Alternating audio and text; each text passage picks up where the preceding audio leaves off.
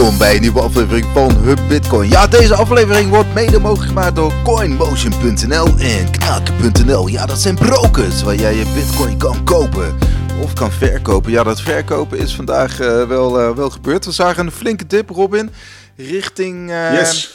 47.400. En toen veerde de koers weer op ja, tot boven 54.000 weer. Ja, we smijten gewoon met uh, duizenden, duizenden dollars vandaag. Ongelooflijk. Bitcoin laat weer een, uh, een, volatiel, een volatiele kant van zich zien. we hadden natuurlijk afgelopen week dat hij toch 1000 miljard dollar, die 1 biljoen aan market cap is behaald. Dat was een nieuwe mijlpaal, toch? Ja, dat was een, nieuwe, nieuw record. Dat is wel significant, want een markt van 1 biljoen of, 1, of 1000 miljard is natuurlijk wel uh, groot genoeg om ook door de grootste fondsen en banken en personen met flink wat geld serieus genomen te worden. Het is een, uh, gewoon een leuke mijlpaal waar we nu dus, as we speak, op dit moment uh, weer wat onder zijn gedoken door de grote dalingen. Maar desalniettemin een leuk record. En dat is eigenlijk heel snel gegaan, hè? Ja. Het, je had het mooi op een rijtje gezet. op 16 december was de bitcoin nog 2000 dollar waard. De bitcoin. Op 2 januari gingen we de bitcoin, sorry, bitcoin. Op 2 januari schoot de koers uh, door 30.000. Dus een, uh, nog geen weekje later op 8 knalde die door de 40. Ja. En op 16 februari knalde die door de 50. Oftewel, dus in een razend tempo zijn er weet ik het hoeveel duizenden dollars aan waarde bijgekomen. En daar hoort af en toe ook een correctietje bij. Ja, ik zag, uh, ik was inderdaad voor het artikel en ik zag inderdaad uh, eh, 11 februari dat hij nog op 43.000 zat. Uh, en we zaten ja. afgelopen weekend alweer boven de 58.000, dus 15.000 erbij in, in, in 10 dagen. Dus op zich zo'n correctie, dat, dat ligt voor de hand. Ja, waar ligt dat dan aan? Dat, ja, het, het flauwe antwoord is natuurlijk dat er gewoon meer verkopers zijn dan, dan, dan kopers. Of je moet zeggen, er wordt meer bitcoin aangeboden dan er wordt gevraagd. En ja, dat leidt tot, uh, tot, uh, tot een correctie. En we zagen wel dat, dat er een bepaalde grote hoeveelheid, hè, die 28.000 bitcoin, die werd bijvoorbeeld naar de Gemini Exchange gestuurd. Nou, daardoor ontstond er wel wat onrust op de markt, waardoor, um, ja, waardoor, uh, waardoor er verkocht is. En we zagen ook, dat was een grafiekje van CryptoQuant. Ik zal hem er heel even bij pakken. Ja, dat, dat gaat over die uh, Coinbase Premium Index. Dus eigenlijk, zij kijken gewoon van, uh, ja, wat, hoe is de in- en outflow bij, uh, bij Coinbase Pro? En Coinbase Pro is echt zo'n beurs die Amerikaanse bedrijven gebruiken. En daar ja. zien we dus ook een flinke dip. En zij, eigenlijk zeggen ze bij uh, CryptoQuant van nou rond die 44 tot 48.000 dollar, daar zit gewoon heel veel koopkracht. Hè? Dus daar, dat, dat is gewoon voor whales, voor grote entiteiten op de, op de blockchain van, van Bitcoin, is dat gewoon een, ja, blijkbaar een heel aantrekkelijk prijslevel. En als je met grote mm -hmm. hoeveelheden Bitcoin in en uit gaat, dan uh, kun je natuurlijk een aardige, uh, aardige klapper maken. Qua, qua... Ja, zowel omhoog of naar beneden. Want als je het een beetje verkeerd timet, uh, kan het je ook zo flink zakcentje schelen, denk ik. Zeker, zeker. Dus, uh, maar goed, als je inderdaad, uh, als jij inderdaad meer Satoshi wil voor elke dollar, dan, dan ben je erbij gebaat dat de prijs dipt. Dus in die zin kun je zien in, in, in de, dat, dat, dat ze toch wel de, de dip hebben gekocht. Want die prijs ging ook vrij snel weer omhoog. Hè? Dit herstelde vrij snel.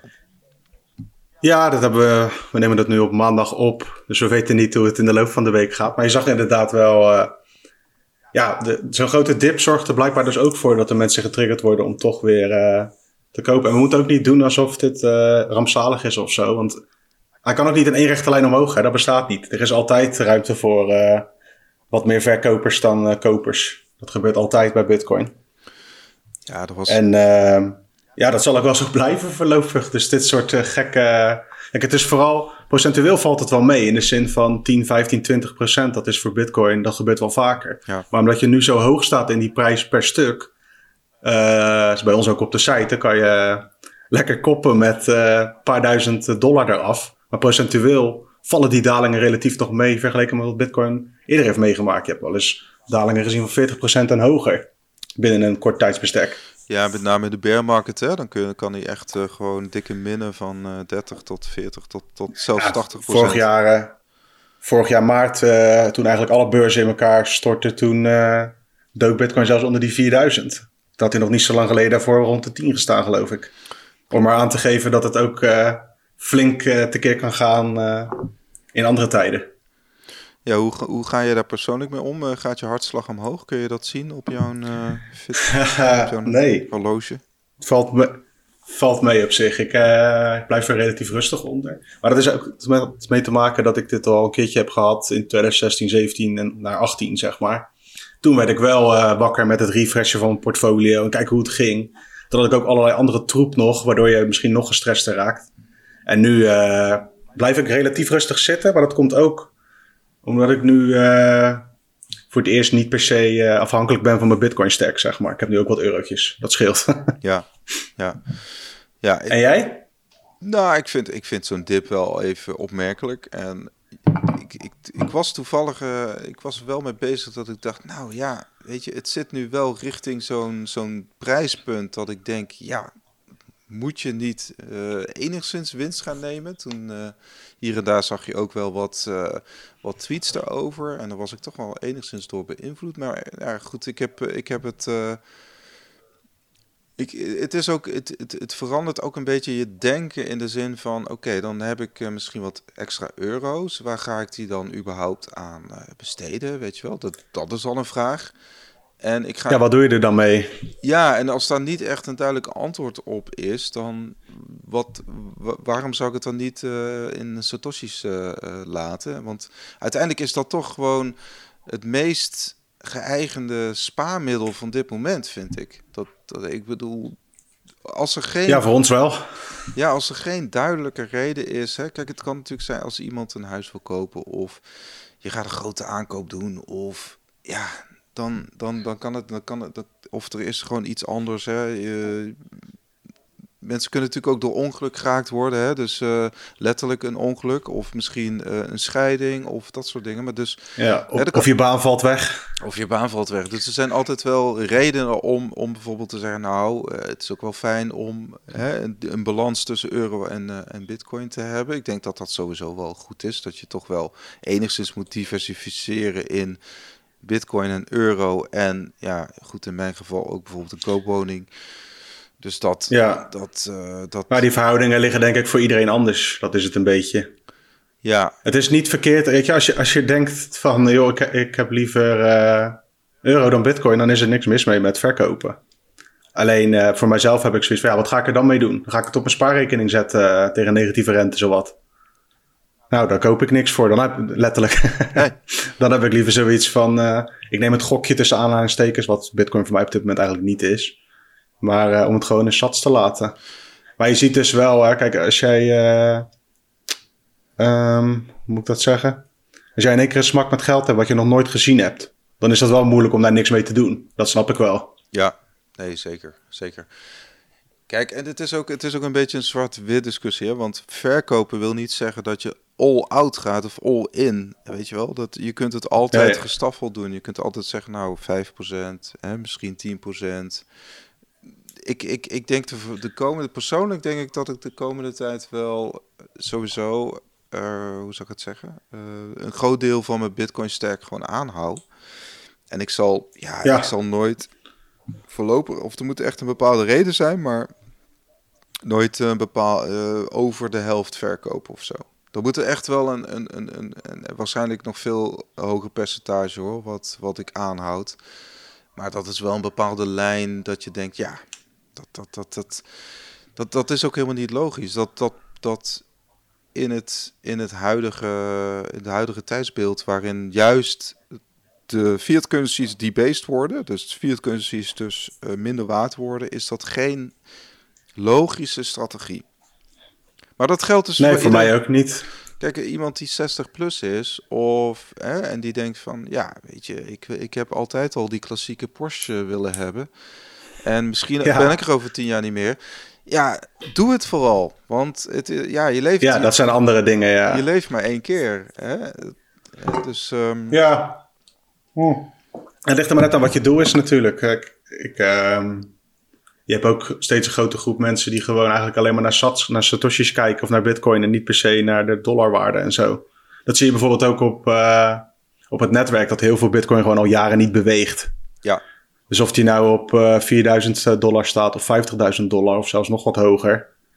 Uh, er zijn ook een hele grote groep mensen met bitcoin die er gewoon niet aan denken om te liquideren. Ik heb ook zo'n meme van wanneer ga je je bitcoin verkopen? Nou, als het moment daar is om te verkopen, dan hoeft dat niet meer. In de zin van, uh, als het genoeg waard is voor mij, dan kan ik er waarschijnlijk zelf wel mee betalen zonder het eerst om te zetten naar wat dan ook. Ja. Technisch gezien verkoop je het dan misschien ook wel. Dan verkoop je je bitcoin voor een huis. Ja, dan heb je het inderdaad over uh, uh, hyper bitcoinization. ja, daar zijn we nog niet hoor. Nee, zeker niet. En het is ook zo dat bijvoorbeeld in Amerika heb je al veel meer een infrastructuur dat je kunt zeggen, oké, Weet je wel, alsjeblieft, hier heb je één bitcoin en je krijgt er bijvoorbeeld een, een, een lening in dollars voor terug. dus stel je wil je huis verbouwen, dan kun je zeggen, oké, ik wil een bouwdepot. Uh, ik, mijn, uh, deze bitcoin is onderpand. Uh, is dat onderpand voor, mm. voor een bouwdepot? Ja. dus, maar goed, in, in, Nederland zijn die rentes op dit moment zo dermate laag dat, dat ja, dat, dat, dat... Ja, dat hoeft bijna niet, hè? Nee. Nee, je hoeft bijna geen onderpand te geven, wil je zeggen. Ja, maar dat ligt ook aan je, je inkomstensituatie. Als jij, 20, eh, als jij 20 bent en je hebt een grote zak met bitcoin, maar voor de rest uh, ben je gewoon nog aan het studeren of je doet wat anders, kleins, dan uh, krijg je niet zo snel zo'n hypotheekje. Die threshold is best hoog en daar kan bitcoin in de toekomst ook wel bij helpen. Hè? Van dat je inderdaad, wat jij zegt, dat je bitcoin gewoon aanbiedt als onderpand en dan toch cash kunt krijgen. Ja, nee, maar dat, dat ga je wel krijgen. En zo en zo zie ik het, zo, dat heeft me wel geholpen in mijn, in mijn denkproces. Dat ik dacht, ja, maar kijk, die bitcoin die jij spaart is niet alleen voor jou, Wessel. Die is ook voor je kinderen. Dus uh, ja. je kunt het, je kunt het, het heeft ook gewoon met nalatenschap te maken. Dat, dat uh, misschien dat zij er juist in een bepaalde fase in hun leven, dat zij juist heel erg veel aan die bitcoin kunnen hebben. Want, want, ja, dat ze het echt, echt nodig hebben tussen aanhalingstekens. Ja, nou ja, kijk, eh, dat, dat, dat is een beetje filosofisch. Maar iedereen komt sowieso zijn eigen ongeluk en geluk tegen. En uh, iedereen krijgt daar zijn eigen portie van. Dus je, je, weet gewoon dat je eigen kinderen ook gewoon een stukje ongeluk uh, gaan tegenkomen in het leven. Dat, dat hoort erbij. En ja. uh, dat, dan, dan is het wel fijn als iemand toch die bitcoin achter de hand heeft. Bijvoorbeeld. Ja, dus het is een beetje voor jou de afweging van... Uh, goh, ga ik nu die dikke Porsche kopen of uh, laat ik het staan... en dan uh, kunnen een van mijn, nee. van mijn nazaten er iets mee doen. Nee, ik hoef geen Porsche. Nee, nee precies. Elektrische bakfiets is genoeg. Ja. Dus... ja, het is, wel een, dat is wel een filosofisch dingetje. Dat is inderdaad voor iedereen anders. Ja. Maar je kunt er in ieder geval zeker van zijn... voor zover dat kan in een uh, bewegelijke wereld, dat je bitcoin over 50 jaar nog steeds toegankelijk zijn als mensen maar die seeds en de private keys goed hebben bewaard. En bij je bank, je gaat er gewoon vanuit dat je bank gewoon uh, nog uh, bestaat 50, 100 jaar, maar je weet het niet. Nou, ik, en bij bitcoin is die zekerheid, dus als je het hebt over nalatenschap, dan is bitcoin een zekerheidje, even buiten de prijs. Dat weten we niet. Nou, ik denk dat bijvoorbeeld bij bepaalde boomers, en dan kijk ik bijvoorbeeld naar de generatie van mijn vader en ook wel wat je ziet in de media, is dat bijvoorbeeld vastgoed was altijd een soort, uh, ja, was gewoon een middel om, om bijvoorbeeld vermogen door te geven. Hè? Dus dat dat. Ja. Uh, hey, je moet... ja, dat is nog steeds wel. En dat is nog steeds wel, want dat, dat helpt ook. Uh, want ja, je, je kunt al makkelijker in een huis wonen. Je hoeft niet de huurmarkt op, hè, want die is in Nederland toch wel behoorlijk ja, vernacheld. Maar de, de... Ja, vertel mij wat. Uh, wat wil ik dan zeggen? Nou, ik denk dat die functie voor Bitcoin er ook kan zijn. Dus dat, je, dat, je, dat, dat het gewoon een asset is wat je uh, aan de volgende generatie uh, over, overhevelt als zijnde een vermogen. Het kan ook zijn dat mijn kinderen op de duur zeggen: Nou, ik wil een huis kopen. Oké, okay, ja. Weet je dat zeker? um, ja. en dan, dat dan een bitcoin kan helpen als zijn een soort aanbetaling of een, of een onderpand voor, voor zo'n hypotheek bijvoorbeeld. Ja, dat, zie, dat zie ik wel gebeuren. Kijk, een paar jaar geleden als je dat... Uh, waarschijnlijk heb ik het toen ook al gelezen, maar toen had ik waarschijnlijk zoiets van... Nou, dat, is nog wel heel ver weg. Maar je ziet nu dat uh, ja, partijen van allerlei groottes, of dat nou uh, Iran is tot en met Tesla en alles ertussenin. Iedereen, tenminste heel veel partijen zijn op een eigen manier bezig met bitcoin echt geld van te maken, zeg maar. Hmm. Dus het wordt steeds geaccepteerder. Dus dan is het een logische stap dat er dit soort constructies wijd verspreid komen. Dat je inderdaad straks je bitcoin als onderpand kunt leveren voor een hypotheek. Voor een huis dan eigenlijk meer. Ja, precies. Kijk, en, en, dan heb je het dus over als asset. En, en er komt misschien nog wel een, een, een, een moment dat, dat, dat je dus een medium of exchange, dat het unit of account wordt. Ja, dan, dan is bijvoorbeeld één bitcoin is 100 miljoen satoshis. Ja, dat kun je bijna niet voorstellen, maar dat is natuurlijk uh, dan ineens... 100 miljoen satoshis, dat is het al hè?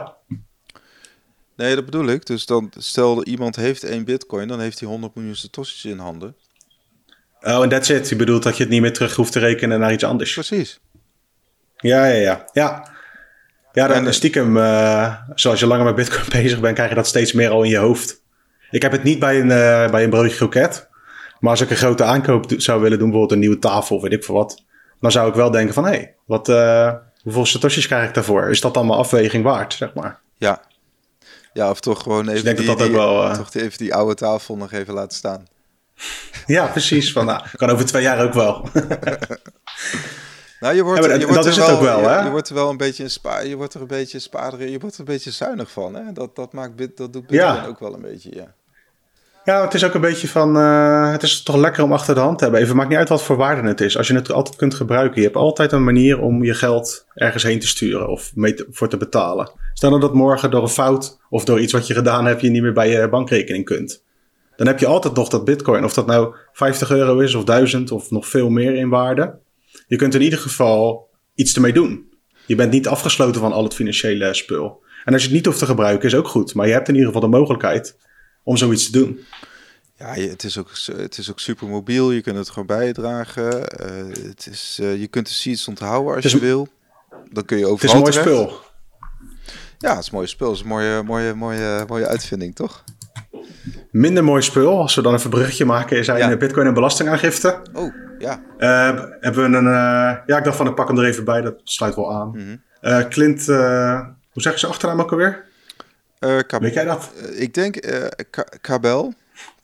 ja, die schrijft elk jaar eigenlijk al een paar jaar een overzichtje van wat je moet doen bij de belastingaangifte wat betreft bitcoin. Het is altijd interessant om even door te lezen, staat op de website bitcoinmagazine.nl.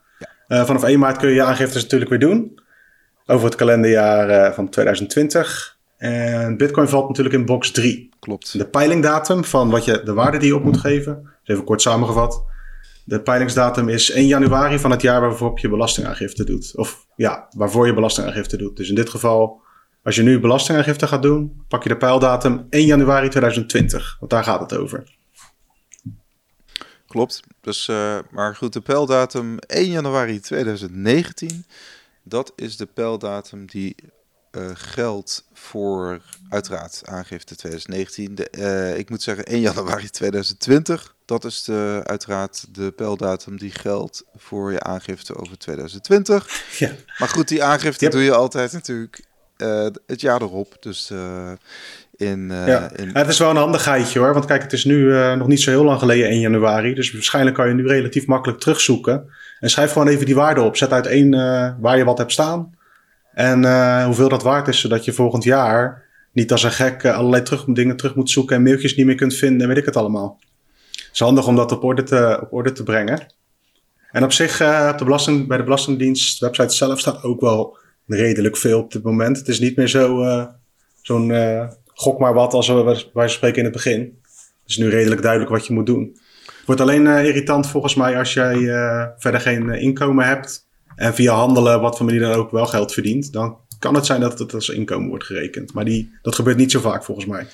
Nee, en het kan, stel dat die bitcoin dermate stijgt, dan kan het bijvoorbeeld ook wel weer effect hebben op je huur- of zorgtoeslag als je daar gebruik van maakt. Dus hou daar ook rekening mee. Ja, want, ja uh, je hebt een heffingsvrij uh, vermogen. Die is, uh, wordt altijd vastgesteld ja. voor een jaar. Dat is ruim 30.000 euro voor deze belastingaangifte. Per persoon. Ja. En ja, per persoon inderdaad.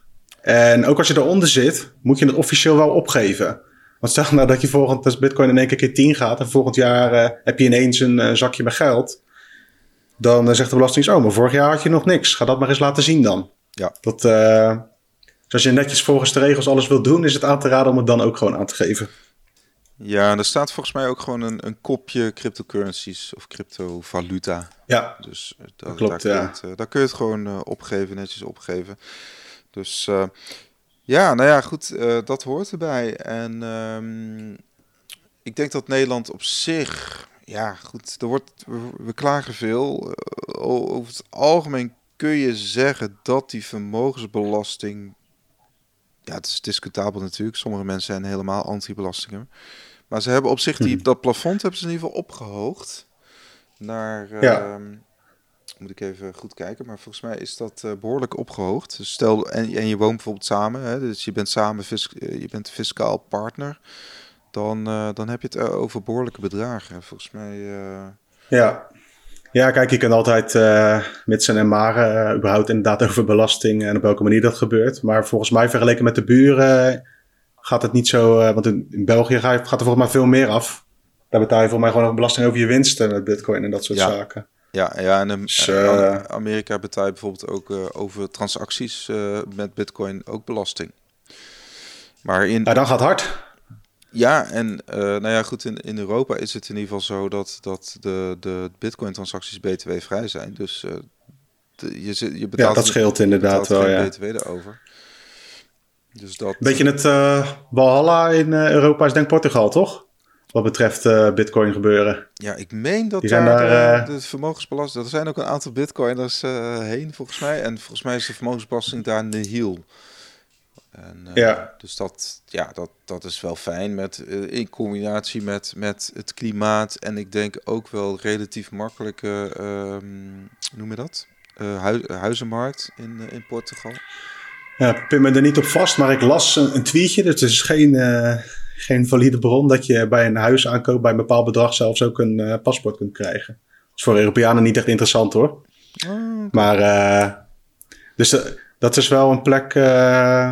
Portugal is wel een land die in ieder geval het iets anders aanpakt dan de meeste. Ja. En ja, weet je, als je een paar van die gasten aan kunt trekken en stel dat er bedrijven uit ontstaan, dan heb je als land best wel profijt van. Kan je profijt van hebben als je daar een beetje op tijd bij bent als er een Bitcoin community ontstaat.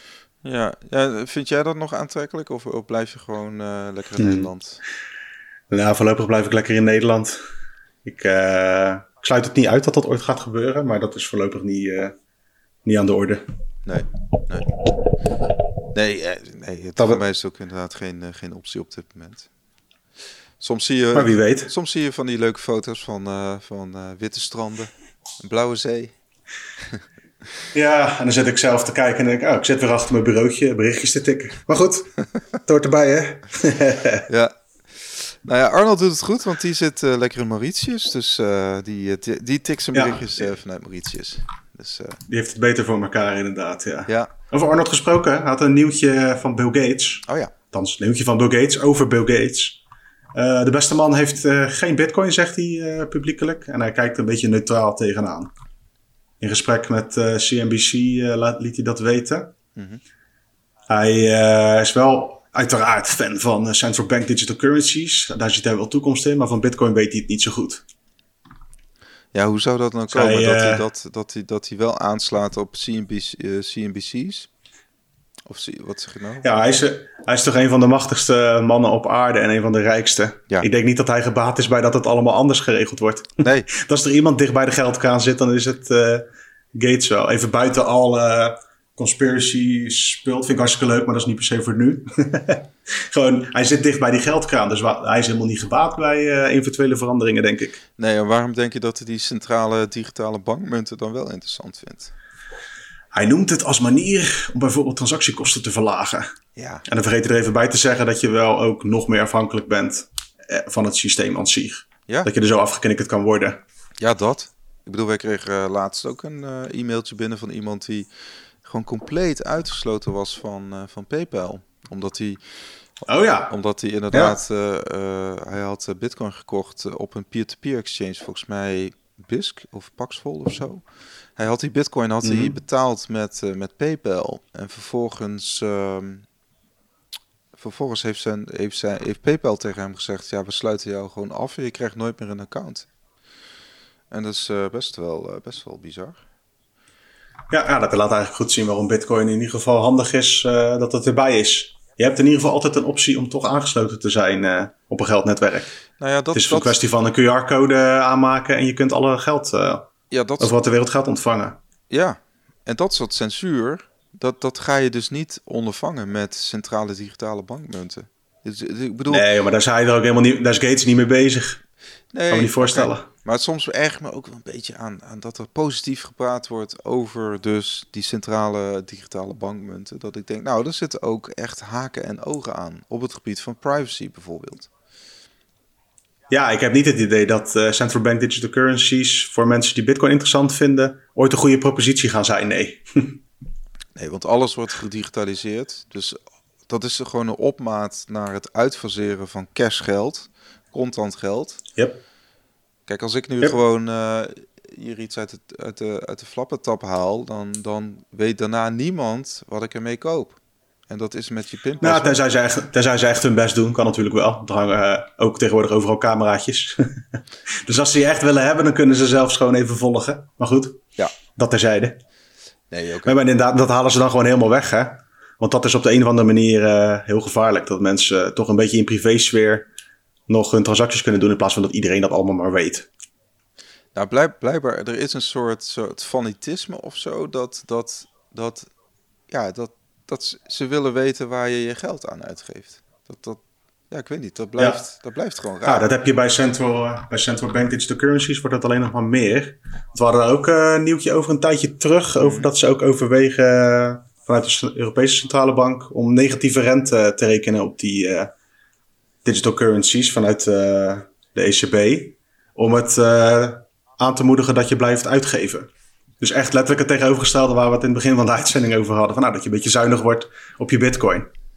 Dus het andere uiterste. Zij gaan dus voor een geld of een munt die zo snel mogelijk uitgegeven moet worden. Want dat is goed, ja, vinden nee, zij. Nou ja, dat zie je natuurlijk al bijvoorbeeld in Denemarken. Hè, dat uh, bepaalde fondsen zijn al negatief. Of, of, of uh, hypotheek, uh, leningen, zeg maar, leningen voor een hypotheek zijn ook al negatief. Ja, dus je krijgt gewoon geld toe aan het einde van de rit. Ja, bizar hè?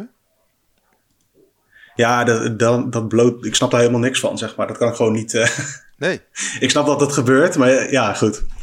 Het is, uh, voor mij, wat mij betreft, is dat uh, Bitcoin was, is het eerste geld dat voor mij duidelijk is en sens maakt, zeg maar.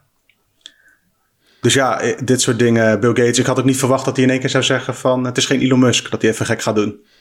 Nee, nee wat op zich wel saillant is, is dat zijn, zijn compaan Warren Buffett, hè, want Warren en Bill die zijn wel uh, ja, twee handen op één buik. Die oh ja. Warren Buffett heeft natuurlijk uh, Berkshire Capital, moet ik het even goed zeggen. Ja. En die hebben weer een aandeel in uh, BNY. En BNY is dat is die New York Mellon BNY. Oh, die oudste bank van Amerika. Ja, daar hebben zij volgens mij een aandeel in van 9%. Nou, en die bank die gaat wel dus in ieder geval een fonds starten. Dus eh, die, die wil voor haar klanten gewoon een fonds gaan starten om bitcoin te kopen.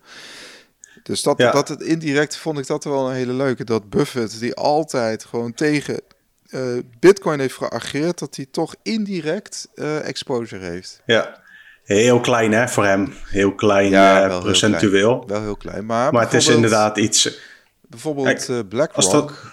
Uh, volgens mij BlackRock, waar we het ook over gaan hebben. Daar, ik meen, als je kijkt naar de aandeelhouders, dat uh, daar uh, Berkshire ook tussen staat hoor. Ik zal het even kijken. Oké. Ja. ja, want BlackRock is het grootste vermogensbeheerder van de wereld. Mm -hmm. Uit mijn hoofd. En die... Klopt. Ja, die, die zijn... They dabbled into Bitcoin, zei de CFO geloof ik letterlijk.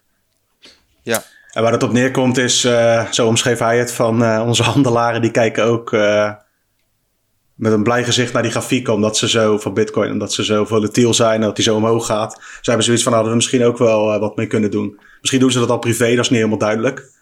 Maar ja, zelfs deze zo'n vermogensbeheerder heeft nu zoiets van, nou, ik moet er in ieder geval wat over roepen. Het is wat anders dan dat ze direct grootschalig erop in gaan zetten. Maar het is in ieder geval onderwerp van gesprek, blijkbaar. Ja, dat is altijd een beetje de vraag, dat soort grote partijen, of ze dan gewoon futures gaan kopen, of dat ze ook echt uh, fysiek bitcoin gaan, ja. gaan, opslaan. Dat is een beetje, maar volgens mij is in eerste instantie dabbling, dat betekent denk ik gewoon dat ze naar de, de, de future uh, markt gaan kijken. En misschien dat ze bijvoorbeeld iets uh, met die ETF's gaan doen. Dus het zal in eerste instantie wel, denk ik, eh, afgeleide producten zijn. Ik was een beetje in de war, want het is Fidelity inderdaad. Fidelity is een, uh, een aandeelhouder van uh, bij BlackRock. En niet... Oké, Fidelity. Ja. En Fidelity, die, dus daarvan is bekend dat ze ook bijvoorbeeld ook Bitcoin miners ondersteunen en in Bitcoin miners investeren. Dus ik bedoel, er zijn al, ik wil alleen maar zeggen, er zijn vanuit die traditionele wereld al zoveel vertakkingen naar die Bitcoin-markt. Dat, ja. dat, dat zo'n bijvoorbeeld een toezichthouder, de SEC, die kan, die kan dit niet meer tegenhouden. Hè? Want soms nee. heb je die, die FUT die dan weer uh, naar boven komt van of het nou Tether is of uh, mogelijk verbod of strenge regels voor self-custody wallets. Ja, dat, dat, dat zal wel zo zijn. En misschien dat een paar hier en daar een paar extra regels komen. Maar de, zeg maar de, de, de, de macro, het macrobeeld is gewoon nog steeds super bullish. En dat betekent gewoon dat, dat ja. bedrijven gewoon bitcoin op een balans willen hebben of erin willen handelen. Ja, die zijn er in ieder geval steeds meer, zo lijkt het. En dat. Uh... Ja, en op een gegeven moment, kijk, als iemand. Uh als jij een, een, iets, iets koopt in de Bitcoin-markt en dat gaat uh, keer twee op een gegeven moment een hele korte tijd, wat je niet zo vaak ziet in uh, de markten waar zij zich in begeven. Mm. Ja, dan heb je misschien ook wel eens van, nou, misschien moeten we toch nog maar meer even, uh, even naar kijken hoe dat dan precies in elkaar steekt en of we er wat mee kunnen. Dat moet wel. Ja, kijk, die, die, die gasten zijn natuurlijk gewoon op zoek naar rendement ook. Want uiteindelijk, als ik, als ik een rijke Amerikaan ben, dan wil ik toch gewoon ook. Dan, ik ga iemand anders inhuren, die moet voor mij geld verdienen. Ja, als hij geen rendement binnenbrengt, dan ga ik wel weer naar een ander fonds. Want ja. dat, dan ga ik wel, uh, of ik ga aandelen MicroStrategy kopen. Dus het is, ja. het is, het is, uh, ja, het is met, door, die, door juist het negatieve rendement op, op staatspapieren, obligaties en überhaupt het hele koopkrachtverlies van de dollar, uh, moeten ze wel, ze moeten wel. Dat, dat, dat, dat... Ja, het is ook een beetje van, oké, okay, Bill Gates dan niet, toch? Want uh, je had ja. het over rijke Amerikanen. Uh, Michael Saylor van MicroStrategy, die ondertussen uh, ruim 2 miljard in totaal in Bitcoin hebben gestopt. Of tenminste gaan stoppen in totaal. Ja. die hadden weer ruim een miljard opgehaald. hoe weten ze? Converteerbare, converteerbare obligaties. Die Ja. kunnen investeerders kopen. Nou, er zitten een x-aantal uh, voordeeltjes aan. Je krijgt wat, rente, of, krijgt wat uh, rente uitbetaald. En over een x-aantal jaar wordt dat weer teruggekocht. En MicroStrategy heeft dat afgerond. En die gaat van die ruime miljard dollar... gaan ze gewoon puur alleen bitcoin kopen... en dat lekker in het spaarpotje zetten. Ja, en waarom denk je dat dat zo'n succes is? Hè, want dat was een leuke... Ja. Nou, dat was een leuke uitleg die ik in een andere podcast had gehoord. Dat... Volgens mij was bij Pieter McCormick, dacht ik. Die had uh, Bill Bardite van Abra op bezoek, dacht ik. Nou goed, ja. die vertelde, ja, kijk, die aandeelhouders, die hebben zoiets, nou goed, wat levert me nu nog iets op? Uh, want die obligaties, die hebben dus inderdaad 0% rente. En ja. uh, dus ze zeggen, ja, waarom zou je een obligatie kopen met 0% rente? Maar dat, ze gaan ervan uit dat, dat op het moment dat ze het kunnen omzetten in dat dit eigenlijk een manier is om vrij goedkoop aandelen een, een soort uh, optie op aandelen te krijgen. Dus ze kunnen het op de duur gaan omzetten in de aandelen. En ze verwachten eigenlijk Oké. dat deze move van, van Sailor, van MicroStrategy, dat, ja, dat ook weer de aandelenprijs gaat, uh, gaat stijgen. Hè, dus, dus het is Ja. eigenlijk een manier om uh, ja, een manier om indirect mee te liften juist op de aandelenprijs van MicroStrategy. En daarom wordt, want het was eerst 600 miljoen, toen werd het 900 miljoen en nu is het 1, Ja. Ruim 1 miljard. Nou, dat ging best snel. Uh, en, en, en dat gaat ook echt binnen, binnen een week of zo, hè, is dat gewoon uitverkocht. Ja, en dat, dat, dat is toch ook weer gewoon een signaal dat, dat, dat die markt gewoon dat iedereen gewoon, dat er gewoon zoveel geld is. En dat, er gewoon, dat ze gewoon gateways zoeken om dat geld naartoe te sturen. En ja, die... Ja, ze weten van gekkigheid niet waar het naartoe moet natuurlijk. En als er dan zoiets zich aanbiedt, wat al een keer succesvol is gedaan ook. Ja, why not? Weet je, ze gaan, ze, dit soort investeerders gaan echt niet al in hierin.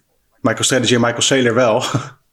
en uh, kijk, als het niks oplevert, dan levert het niks op. Dan hebben ze een risico genomen. Maar Ja. als het wel wat oplevert, dan kan je groots winnen. En dit is natuurlijk een manier, als je niet direct bitcoin kunt, kunt wil, mag kopen... Uh, dan kun je via MicroStrategy dit soort aanbiedingen als relatief grote investeerder wel meeliften op die gekkigheid wat nu gaande is.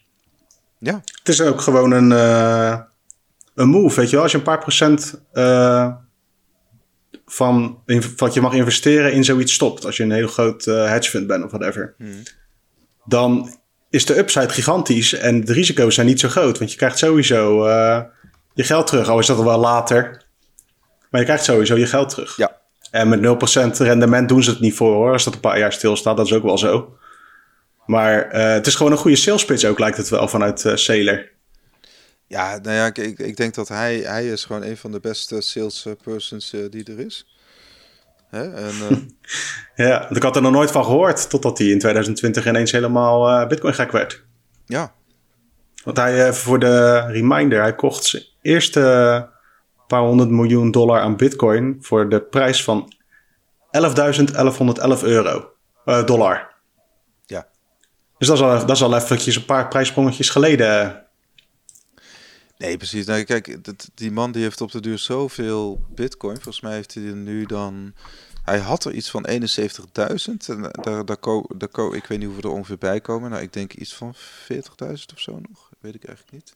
In ieder geval genoeg. Nou, er, er was in ieder geval vandaag uh, het gerucht dat, uh, dat die dat die koop ook wel heeft plaatsgevonden. Hè? Want um, ja. maandag, vandaag dus, uh, zijn er 13.204 bitcoin uit de wallet van Coinbase gehaald. Nou, dat, het ging over 36 losse transacties. Elk uh, van tussen de 351 en 391 bitcoin. Nou, en dat, dat komt ongeveer overheen met... Um, het, het zou inderdaad in totaal om de 17.000. Dus hij krijgt in, in totaal is een sterk nu 87.000 zou dat ongeveer zijn. Of ja, als die aankoop uh, van hem was. Als die aankoop van hem was, ja. En van hem is van MicroStrategy, hè? want hij is niet de enige aandeelhouder en zo. Nee, precies. precies. Dus dat... Uh... Dus, uh, nou ja, kijk, en aan de andere kant van, hij koopt dus echte bitcoin. Hè? Hij, net als uh, jij en ik, als je naar een broker gaat, dan koop je echte bitcoin en dat sla je zelf op. Hij, hij koopt ook echte bitcoin. En aan de andere kant van het spectrum heb je die ETF's. Klopt. Waar ook echte bitcoin voor worden gekocht. Maar de aandeelhouders, die kopen alleen een aandeel in zo'n fonds. Klopt. En in Canada is dat super, uh, super hard gegaan, toch? Met een of ander financieel product. Ja, maar ik wil nog heel even terug, want ik wil nog even iets oh, zeggen over... Ja want je ziet wel, want nu is er natuurlijk heel veel speculatie over wie is nou de volgende Tesla, et cetera. Nou, er was ook een tweetje van de Bitcoin Archive die zegt... Coinbase die heeft dus een aantal Fortune, Fortune 500 companies als clients. Dat is, blijkbaar... Dus ja, het is niet bekend wie dat zijn, maar het is in ieder geval... En eigenlijk is alleen Tesla, want MicroStrategy is veel kleiner die behoort niet tot de Fortune 500. Maar eigenlijk is alleen Tesla die uh, heeft aangegeven dat ze dus ja, die bitcoin hebben gekocht. Die 1,5 miljard uh, aan bitcoin. Maar er zijn er dus nog in ieder geval mm. minstens vier andere die uh, een klant zijn bij Coinbase. En wie zegt dat? Dat zegt, dat zegt Coinbase. Even kijken. Dat zegt Bitcoin Archive op Twitter. Ja, maar ik bedoel waar hij zijn bron vandaan heeft. Ik bedoel, uh, is, dat, is dat publiekelijk uh, te vinden of zo? Mm, dat is een goede vraag. Dan moet ik heel eventjes... Uh... Ja, maak ook niet zoveel uit. Kijk, ik denk wel dat als jij interesse hebt, dat je je ook alvast aan kunt melden bij Coinbase. Van, hé, hey, ik ben een groot bedrijf, kan ik alvast op de shortlist staan voor als ik eventueel ooit wat met Bitcoin wil doen. Ja. Dat ik bij jullie aan kan kloppen. Ja, Dat lijkt me wel voor de hand liggend of zo, ja. Volgens mij had je... Of het dan officieel is of niet, maar... Volgens mij had jij dat tweetje er nog ingezet in dat bericht. Vandaar dat ik het even aanhaal. Maar we zoeken dat op. We zoeken dat op. Ja, Wat, stuk uh, dan eventjes in het, uh, in het artikel op bitcoinmagazine.nl. Precies, precies, precies. Nou ja, kijk, eh, als we kijken naar, naar bedrijven met een uh, grote kaspositie, dan heb je sowieso Google, het alf alfabet moet ik zeggen. Dat is het moederbedrijf van, van Google. En je hebt uh, ja, uiteraard Apple en Amazon. Dat zijn grotere. Maar daarvan kun je zeggen, oké, dat zijn misschien, die hebben misschien een iets conservatievere blik. Hè? Want kijk, duizend miljard, dat, dat, of stel dat Apple 1 miljard gaat uh, kopen. Dat, dat is voor Apple eigenlijk peanuts, weet je wel. Dus ze moeten... Ja, dat is niks voor ze. Nee, precies. Dus het is, uh, de vraag is een beetje of de asset al groot genoeg is. Dat is een beetje de vraag voor dat soort bedrijven. Dus ik denk dat dat... ja, dat en, of ze, en of ze intern mensen hebben die, het ook echt, die ervan overtuigd zijn. Want het is nogal een verschil of je iemand winsten ziet maken met iets waarvan jij denkt dat het onzin is, of dat je al intern wel er al over na hebt gedacht. Ja, nee, eens. Eens. Het is wel grappig, hè? Want het is een heel andere, zeg maar, zo'n Bitcoin aankoop van Tesla is een heel ander soort aankoop dan een, uh, weet ik veel, een wereldreiziger die gewoon lekker op Bitcoin leeft. Zoals Didi. Nee, ja, klopt. Een heel andere. Ze, dus allebei, Bitcoin is daar uitermate geschikt voor. En we allebei, eh, die dingen zijn echt compleet anders. Want Tesla die doet het echt niet omdat ze zoiets hebben van, yeah, uh, decentraal geld of zo, denk ik. Nee, nee, klopt. Nee, die zitten daar veel zakelijker in. Hè? En die kijken gewoon, die hebben ook te maken met aandeelhouders. En je moet daar een goed verhaal voor hebben. En je hebt te maken met regulering. Als, als uh, wereldreiziger heb je niet zoveel te maken met regulering. Niet echt. Ja. ik wil maar aangeven dat dat spectrum eigenlijk steeds groter wordt. Zeker nu die, dit soort partijen zich melden. Gewoon Amerikaanse miljardairs letterlijk. Die op allerlei manieren constructies bedenken om meer geld erin te kunnen pompen. Gratis geld. Ja. Tegenover een helemaal andere uiterste is gewoon iemand die een paar uh, dollars, euro's, peseta's, weet ik wat er allemaal nog is. een paar, uh, paar satoshis koopt. Nou, wat je, wat je dus ziet is dus zo'n iemand als Bill Gates, die heeft, zeg maar, die heeft, ja, die, die heeft inderdaad zo'n positie in die fiat-wereld opge, opgebouwd dat, ja, dat, het is voor hem helemaal het risico niet waard om, om iets met bitcoin te doen. Terwijl Elon Musk... Ja, dat kan altijd later nog. Ja, precies. En, en een Elon Musk en, een, uh, en een Michael Saylor, die hebben toch zoiets van... Ja, er is gewoon hier iets aan de hand. Ja, dat, dat weten we allemaal wel. Maar die dan... Ja, en, en daar ook gewoon echt wel uh, natuurlijk gewoon uh, flink voor gaan. Ik bedoel... Dat, Ja, en Musk is natuurlijk ook een beetje een, een challenger, hè? In de zin van... ja. Hij daagt ook het huidige uh, wat hij aan het doen is met SpaceX en uh, met PayPal in het begin, waar hij voor mij niet zo heel lang bij heeft gezeten, of wel? Maar in ieder geval. En nu met, met Tesla een beetje tegen de gevestigde orde aantrappen. Van nou, ik ga het wel beter doen. En uh, ik zat een podcast te luisteren van Lex Friedman. Mm -hmm. Met Jason Calacanis. Ja. Dat is een van de een of andere bekendere. vriend van Musk. Bekende angel. Ja, precies. Ik zat dat te luisteren. En toen zei hij op een gegeven moment van. toen Tesla begon. En toen die aandelen op de beurs kwamen. Toen werd hij helemaal kapot geshort. Dus er was gewoon echt. Kijk, of dat uh, aangestuurd is, weet ik niet. Maar die heeft echt met zijn aandelenkoersen tegen, tegen de dood aangezeten qua, uh, voor zijn bedrijf. Ja. Hij heeft een paar keer op het randje gezeten dat hij dus aan die Kelle Kennis een investering moest vragen, omdat anders Tesla gewoon weg was. Ja.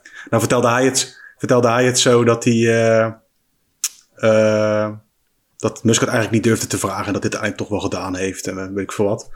Maar um, dat toont aan dat Musk is gewoon bezig met de challenger van de, van de established ja? order, hoe je het ook wil noemen. En daar, daar past Bitcoin veel beter in dan bij Bill Gates. Precies, precies. Nou ja, ze hebben natuurlijk Bitcoin in 2000, uh, eind 2017 kwamen. Kon je, je kon voor 2017 Bitcoin niet shorten. En toen uh, hebben ze in Chicago gedacht, nou wacht eens even, we, we willen Bitcoin wel uh, gaan shorten. En toen hebben ze ja. Toen hebben ze Bitcoin ook behoorlijk geshort natuurlijk. Uh, en, en, en toch ook wel, omdat die market cap nog niet zo groot was, kon je met behoorlijke posities, kon je toch wel die, uh, die prijs uh, behoorlijk naar beneden drukken. Ja, nou, er zijn veel dingen die ik eerder zou doen dan het shorten van Bitcoin, laat ik het zo zeggen. Ja, ja, nou ja, goed. Uh, Bitcoin ja, speelt steeds meer een rol. Ja, dat, het, we blijven ons misschien een beetje uh, herhalen. Maar goed, het is, het is nog steeds een technologie die heel erg in de kinderschoenen staat, kun je zeggen. Qua adoptie dan, moet ik dan zeggen. Maar ook qua technologie is het zich aan het ontwikkelen. Um, uh, maar goed, uh, afgelopen week kun je zeggen, nou, één bitcoin was al meer waard dan één kilo goud. Als we puur kijken... Ja, dat vond ik wel een leuke, ja. Het zal nu even wat anders zijn, maar... Ja, de europrijs, hè. Nu zal het inderdaad één kilo goud uh, weer iets meer waard zijn. Maar goed, dat, ik denk dat dat ook wel weer iets... Dat, dat zet beleggers ook weer aan het, aan het denken. Dat, dat, dat, ik weet niet, dat, het gaat natuurlijk gewoon in, in schakeltjes. Dat... Um, dat naarmate die asset steeds meer waard wordt, krijgt het natuurlijk ook steeds meer legitimiteit, krijgen ook steeds meer een grote groep beleggers krijgt er gewoon uh, vertrouwen in. En ja, op de duur komt die groep, die nu de, de achterblijvers, ja, die, die kunnen niet meer, die kunnen niet meer achterblijven. Want dat, dat, uh, dat Ja, of, ofwel, en het is nog een gener- generatietje wachten voordat het helemaal uh, gekhuis wordt. Nee, maar dan, dan krijg je dus, het zijn geen particulieren, maar gewoon mensen die professioneel beleggen voor anderen. Op het moment dat, Mhm. al, dat al jouw klanten gaan vragen van, ja, heb je, Oh, zo bedoel je, ja. dan, dan, Ja. dan, dan kun je als adviseur, als broker of als, als, als eh, fonds, eh, kun je gewoon niet meer achterblijven. Dat, dan, dan moet je wel. Ook al heb je er zelf Ja, een zo- tering enkel aan, je moet dan in Dan bitcoin. komen ze met zo'n eh, met zo'n powerpointje en dan zeggen ze... Ja, kijk, we hebben hier de Hupplepup Hupplepup index van deze en deze aandelen. We hebben hier negatieve eh, aandelen in landen, staatsobligaties. Ja. En dan zegt er iemand eh, van... Oh, maar er is toch ook iets met bitcoin? eh, hoe zit dat? en dan kijken ze... Dan kan, je kan dat inderdaad op een gegeven moment niet meer verdedigen. Nou, kan wel. Maar als bitcoin zo blijft presteren qua prijsontwikkeling... dan ontkom je er niet aan dat dat besproken moet worden. Ja. Dat klopt. Nou, kijk, En dit soort zijn kleine dingetjes, hè? Want ik bedoel, wat is nou een kilo goud tegenover één bitcoin? Het zegt niet zoveel. Maar het laat meer de groei zien van eh, goud spint heel weinig garen met de ontwik op de ontwikkelingen, of door de ontwikkelingen in de wereld blijkbaar. Terwijl bitcoin blijft groeien. ja, en dus, Dat is eigenlijk wat je ziet. Het wordt langzaam ingehaald. Ja, en, en, en, en eigenlijk, wat, dat, dat, daar wil ik eigenlijk een beetje naartoe. We zagen natuurlijk dat ook dat artikel, dat was, volgens mij in het NRC inderdaad. Dat was een eh Nederlands ehm, vermogensbeheerder, iemand die bij Nederlands vermogensbeheerder werkte inderdaad. En nou, een van de tegenargumenten tegen bitcoin was dat, dat hè, bitcoin is milieuvervuilend. Oké, nou, en hij vond het gek dat Tesla, die dan elektrische auto's maakt, want dat is wel goed voor het milieu, die... ehm, ja, die had dan ook nog in dat milieuvervuilende bitcoin eh, geïnvesteerd. Maar toen dacht ik, ja, maar eh, hoe ze, de fiat, het fiat geldstelsel, weet je hoe vervuilend dat is? Ja, tuurlijk. Alles, Dat- alles moet zo snel mogelijk gekocht worden en weer weggegooid worden. Ja, bijvoorbeeld. Dat, dat, dat, dat incentive heb je door zo'n... Zeker als je een euro krijgt die echt negatieve rente heeft per maand of per jaar. Een digitale. Dan heb je de incentive om gewoon cheap dingen te kopen. Omdat je het niet kunt sparen. Je kunt niet wachten op iets... Om te sparen op, om iets duurzamers te kopen. Dus dat de hele incentive van de fiat valuta is snel uitgeven en dus vervuilend. Even buiten nog Ja, hoeveel eh, administratieve rompslomp er eigenlijk tussen zit. eh. Maar goed, eigenlijk is dat ook zo'n discussie dat ik denk van... eh, ik zag er een tweetje over van, eh, van onze UDI. Onze master troll op Bitcoin Oh ja. Twitter. Udi Wertheimer.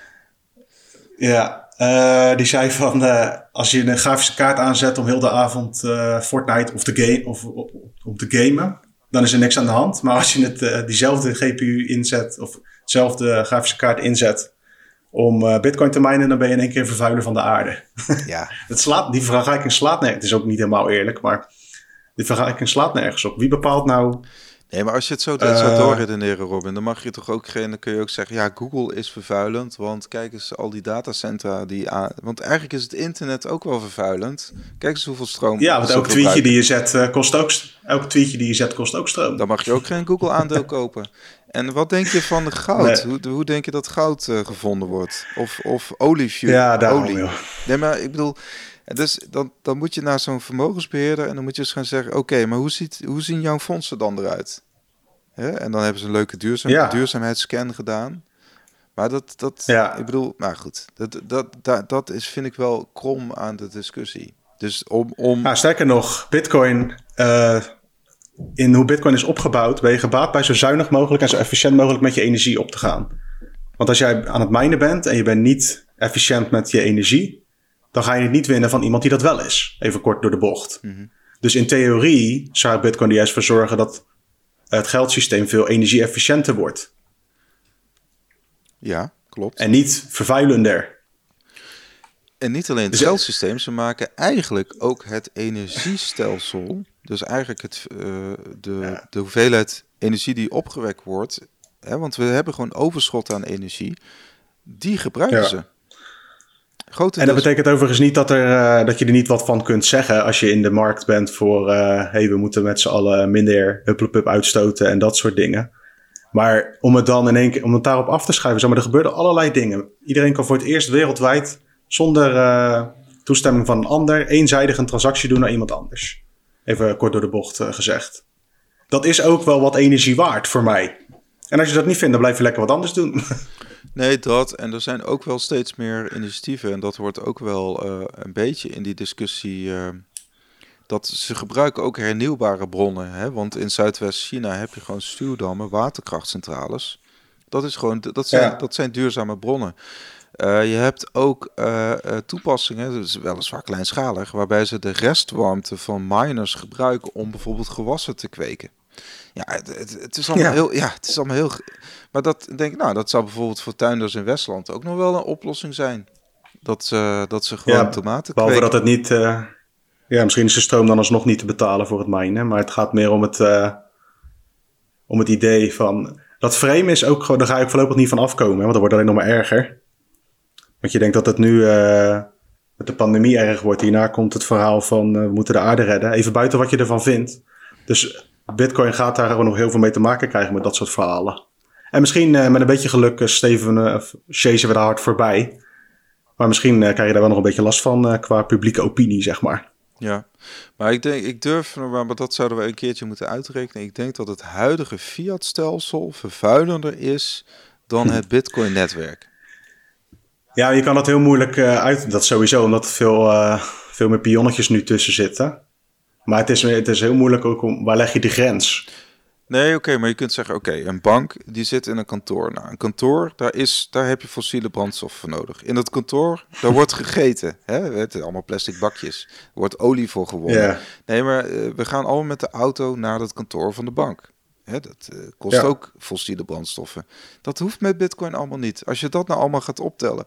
Hè, als je het helemaal zou doorrekenen ja. in het, ook het energiegebruik wat er nodig is om uh, uh, uh, zeg maar deel te nemen in het fiat-stelsel. Nou, dan ik denk dat ja. dat ook nog wel een leuke, leuke berekening waard is. Ja, ik zou zeggen, pak je rekenmachinetje erbij en ik denk dat je ervan gaat schrikken. ja. En ja, het allerleukste vind ik, dat, vind ik, dat was een van de raarste, was een vergelijking ook in zo'n soort artikel. Uh, dan ging er over van, ja, als de bitcoinprijs dan zoveel stijgt, dan gaat, die zoveel energie, gaat het netwerk zoveel energie meer gebruiken. Dat is helemaal niet hoe dat werkt. Hoeveel energie het netwerk gebruikt, dat is puur afhankelijk van hoeveel interesse er is om te minen. Dat heeft, heel, ja, het heeft wel wat met de prijs te maken. Maar je kunt dat niet zo lineair omhoog trekken. Nee, het is Dus heel veel van die argumenten kloppen ook niet. En dat we, kijk, wij zijn ook geen klimaatexperts of energie-experts of mining-experts. Maar het is gewoon heel makkelijk in zo'n artikel om dan het af te schuiven op het is niet, uh, of het is vervuilend. Wij zijn geen... Oké, okay, oh, het is alles is vervuilend. Als ik een scheet laat, is ook vervuilend. Moet ik dan ook, uh, mag ik dat niet meer doen dan of zo? Ja, we, ja. ja we zijn wel ja. experts in scheten laten, inderdaad. Ja, dat wel. Doe wel netjes een microfoontje uit, hè? ja, dat wel. nee, inderdaad. Nou ja, als je uitademt is ook al vervuiling natuurlijk. Maar dat... Um... Ah, of niet, want er zijn ook mensen die weer zeggen van... Ja, goed, laten we niet te, veel... Het is meer dat frame gaan we voorlopig niet van afkomen, denk ik. Nee, dus bereid je maar voor. Dat is een uh, hardnekkig frame, inderdaad. Uh, maar goed, ja. um, daar staat tegenover dat... Um, dat het... Uh, ja... Nou, wat, kan nog een leuke trend. Ja, doe eens een trend. Uh, de laser eyes op Twitter. Oh ja.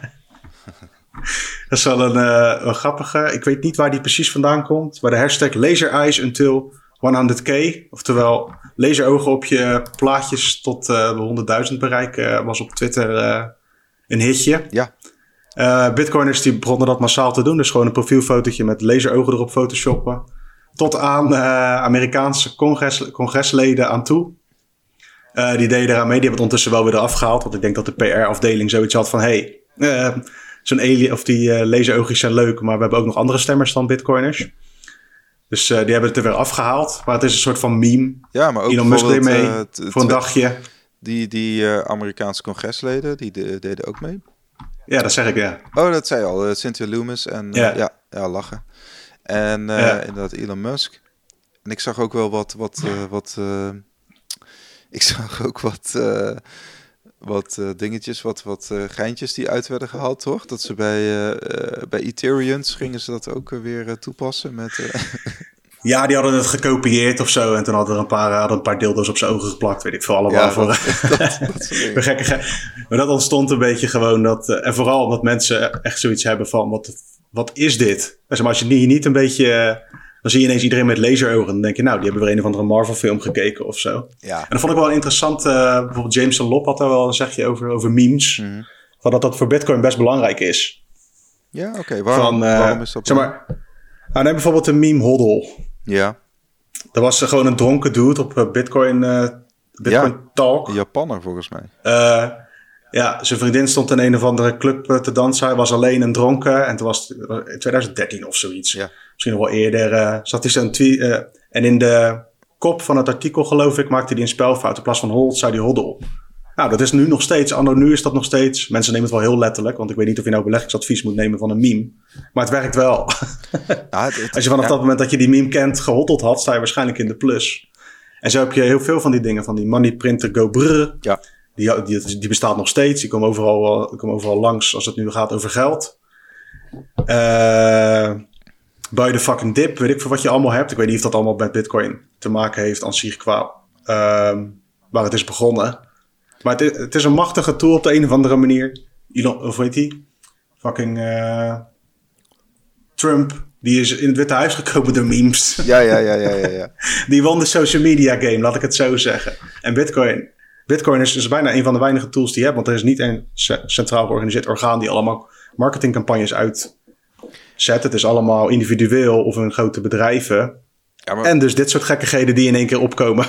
ja het, is, het is wel, weet je wel, je hebt, je hebt, ja, je hebt gewoon eh, die eh, bepaalde types en die, die meme, eh, die meme figuren, die zijn ook beroemd geworden, weet je wel. Ja. Dat, maar dat, dat ja, moet ook niet. ja. Ja, Nou ja, je hebt het bijvoorbeeld... is ook niet zo dat dit hetzelfde, zeg maar, mensen op Twitter die aan het kloten zijn, dat is niet heel de Bitcoin groep. Dat zei Aaron volgens mij ook in de Bitcoin show.